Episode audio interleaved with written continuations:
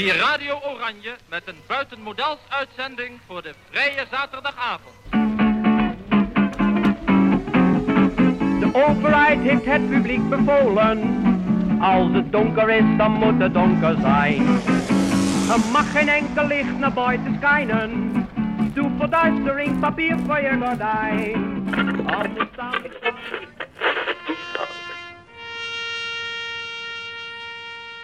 Bezet.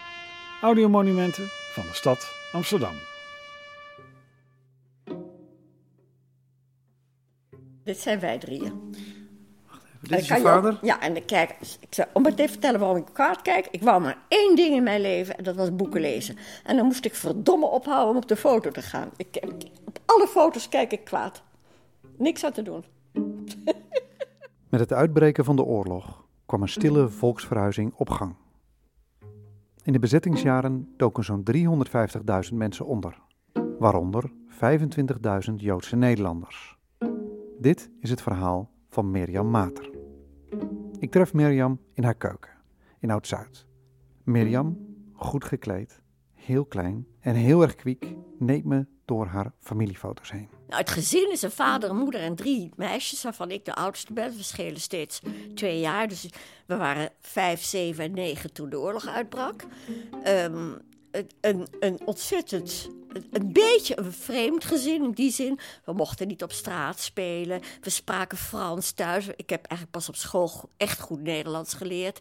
Eh, ehm, we... we ja, mijn, ouders waren geweldig in het, in het ehm, eh, eh, maken van de meest fantastische partijtjes als je jarig was. Maar Sinterklaas werd niet gevierd, en kerst werd niet gevierd, en Pasen werd niet gevierd. Want daar deden we allemaal niet aan, want het ene helft was niet Joods en die vond het allemaal ontzettend onbelangrijk. En de andere helft was Joods en die vond dat het niet kon. En pas toen ik naar school ging als oudste ontdekte ik dat we van alles niet deden. Wat ik natuurlijk ook wou doen, want ik wou net zo zijn als iedereen. Maar we waren in alle opzichten anders. We hadden altijd andere kleren dan iedereen. En, en we spraken dus een andere taal. En dat vind je als kind niet altijd even makkelijk. Maar terugkijkend denk ik, we hebben een fantastische jeugd gehad. Heerlijk. Wanneer besluit je je te verzetten? Onmiddellijk? Nooit? Mirjams vader zag al snel in dat hij zijn goede positie bij de gemeente kon gebruiken om mensen te helpen. Mijn vader die is vanaf het allereerste begin bezig geweest met nog twee hele goede vrienden. Ehm, met valse papieren en, en, en we werden allemaal opgemeten. Dat is de afstand van het puntje van je neus naar het puntje van je oor.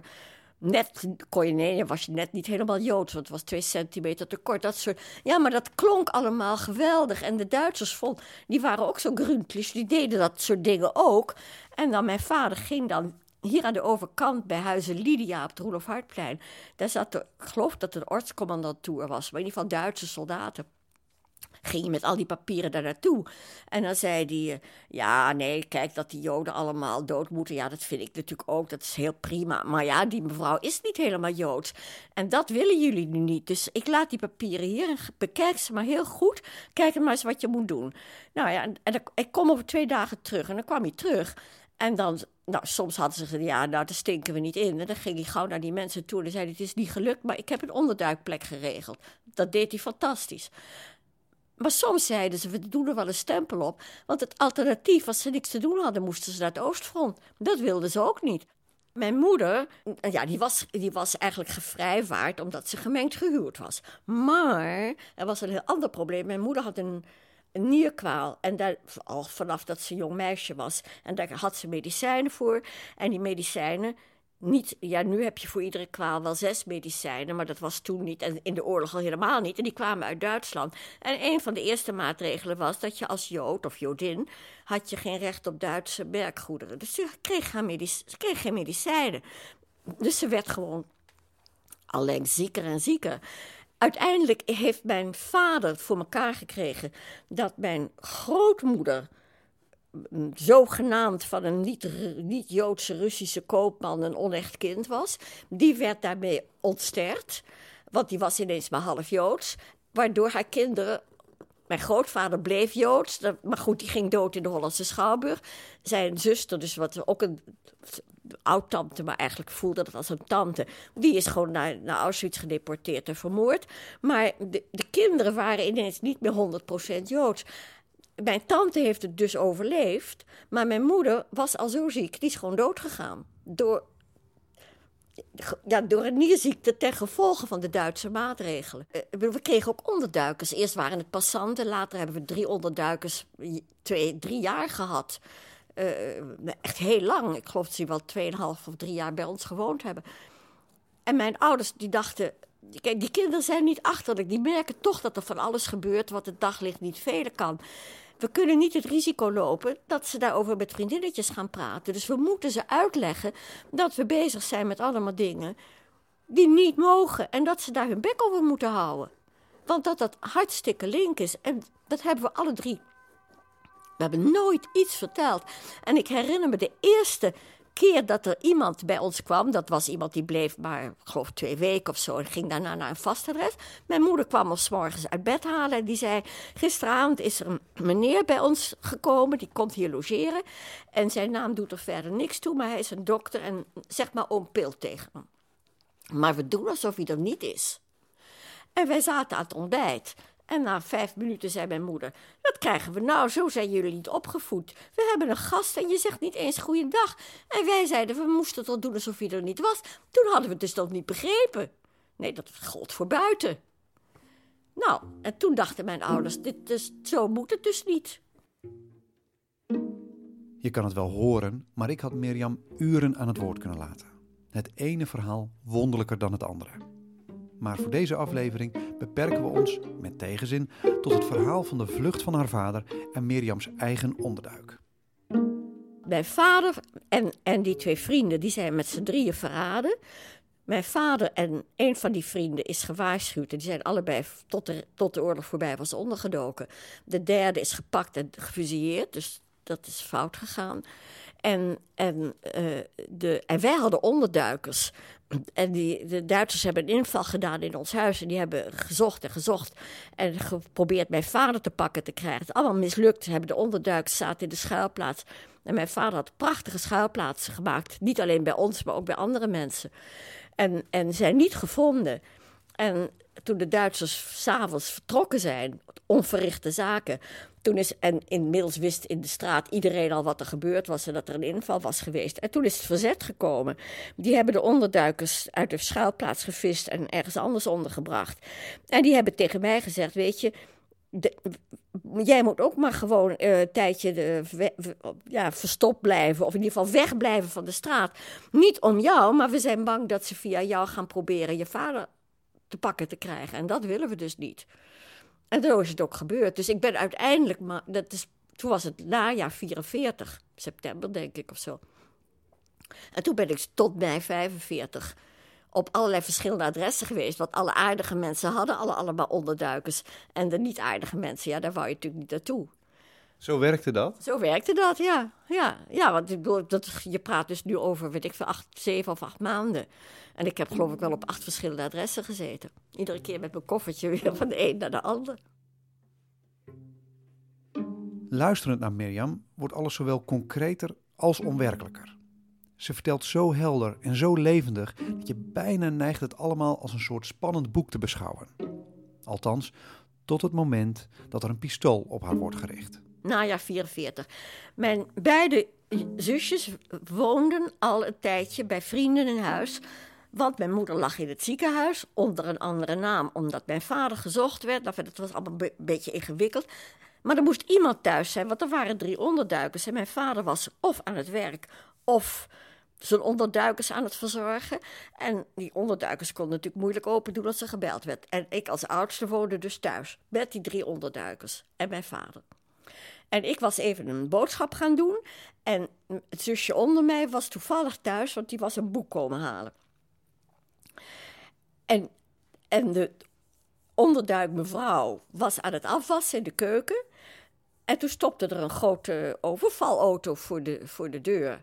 En daar stapten soldaten in uniform uit. En, en ook nog Dat vind ik nog steeds vind ik dat nog zoveel erger dat er Nederlanders waren die dat deden. Maar goed, die waren er wel. En die belden heel hard aan. En, en uh, mijn, nou ja, die mevrouw die, die, liet alles uit haar handen vallen. Die rende naar boven, naar de schuilplaats. Onderhand haar man en de andere vrouw meenemend naar de schuilplaats op zolder. En mijn zusje ging gauw heel slim met haar handen in het water, alsof zij aan het afwassen was. En deed niet open. En ze klommen gewoon over het uh, hek en kwamen de tuin in. En stonden voor de keukendeur te schreeuwen. Nou, toen deed ze open. Ja, waarom, heeft ze me laten vertellen, waarom deed je niet open? Ik aan het afwassen. En, en op dat moment belde ik aan. Of, eh, nee, ik belde niet aan, ik had natuurlijk een sleutel. Ik, deed de deur open. Uh, wie komt er nu weer? Wegwezen. Maar ik, ik woon hier. Oh, nou, toen sloten ze ons op in de kamer. En ging het hele huis doorzoeken. Nou, wij zweten peetjes, zal ik je vertellen. Maar goed, er gebeurde verder helemaal niks. En toen kwamen ze weer terug. En toen hebben ze dus mij als oudste met dat pistool gedwongen om al die ziekenhuizen op te bellen.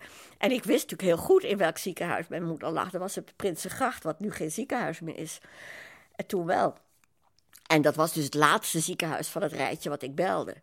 En ik kreeg een verpleegster aan de lijn en die zei: uh, Ja, ja, je vader is. Hij loopt net weg, ik ga hem gauw halen. En ik wou nog zeggen: Nee, nee, maar ze was al verdwenen. En toen kwam mijn vader aan de telefoon.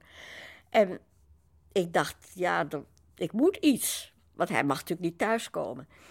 Dus ik, en wij hadden we mochten geen Frans bespreken, hè, want we moesten zo weinig mogelijk opvallen. Dus moesten Nederlands spreken. Dus ik zei in het Frans dat ik, uh, dat ik niet goed kon praten met hem. En, en hij, zei, hij begreep dat er iets aan de hand was. Hij zei, kun je dat ook in het Nederlands zeggen? En ik zei, no, no, nee, dat kon ik dus niet. En toen uh, hing hij op. En die Duitsers, waarom, waar, wat zeg je nou ineens? Wat, wat zei je nou? Ik zei, oh, als ik zenuwachtig ben, zeg ik altijd rare dingen. maar het ging goed. Het ging goed. Maar u had, u had op dat moment een pistool tegen Ik had hem in mijn oor, in mijn oor. U had Ja, daar heb ik later nog vaak over gedroomd. Nu al lang niet meer hoor. Ja, het, het echte loop van het pistool zat in mijn oor. Dat duwde ze in mijn oor. En het andere oor had ik dus de horen laten. Ik, ik snap ook wel dat het raar klinkt zelf. Maar je bent in een soort. Ja, ik weet niet eens hoe ik het zeggen moet.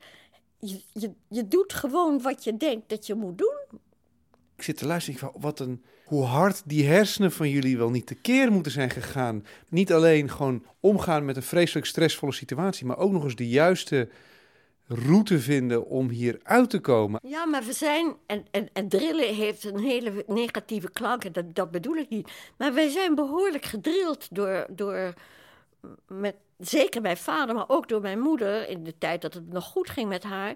Zo van, dit mag je nooit doen en dat mag je nooit doen. En, en denk daaraan. En, en wat, wat het is, daar hangt zo verschrikkelijk veel van af.